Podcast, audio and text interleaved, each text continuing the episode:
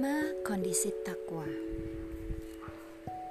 Berikut ini saya akan bacakan kutipan dalam sebuah buku berjudul Strong and Happy in the Time of Crisis uh, yang ditulis oleh Afzan atau Ahmad Faiz Zainuddin di halaman 109. Ibnu Athoillah As-Sakandari berkata, bisa jadi Tuhan membukakan pintu ibadah untukmu, tapi tidak membuka pintu keridoan.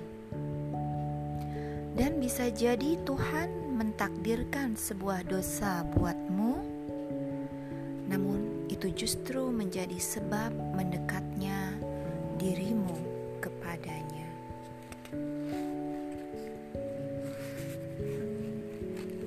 Secara sederhana,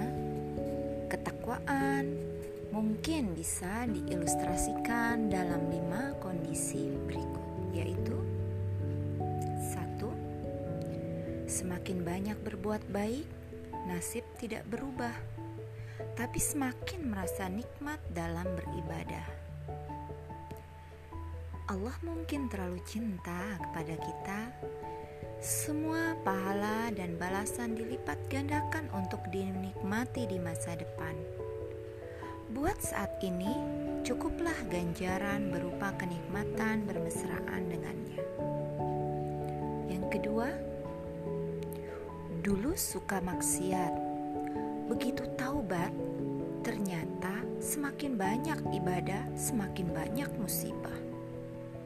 Hmm, berarti kita sedang membayar hutang maksiat di masa lalu dan tetap bersiap panen pahala kebaikan di masa yang akan datang. Insya Allah. Kondisi ketiga, dari dulu saya rajin beribadah. Lah kok sekarang semakin beribadah kok ya semakin banyak musibah. Nah, berarti mungkin mau naik level spiritual. Jadi, harap tenang, sedang ada ujian kenaikan kelas. Semakin banyak ibadah, semakin banyak nikmat Allah yang berdatangan. Allah seakan langsung membayar kontan ganjaran kita. Maka takutlah jika sampai tak ada sisa pahala lagi di masa depan.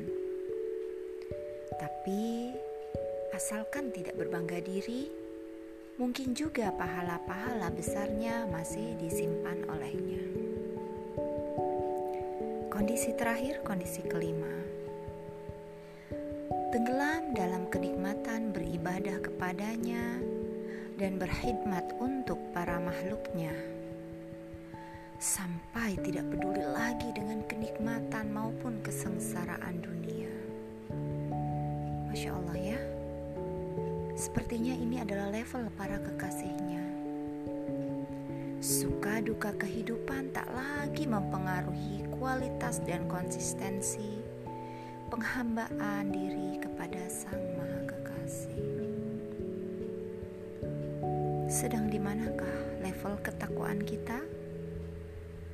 Semoga perlahan-lahan bisa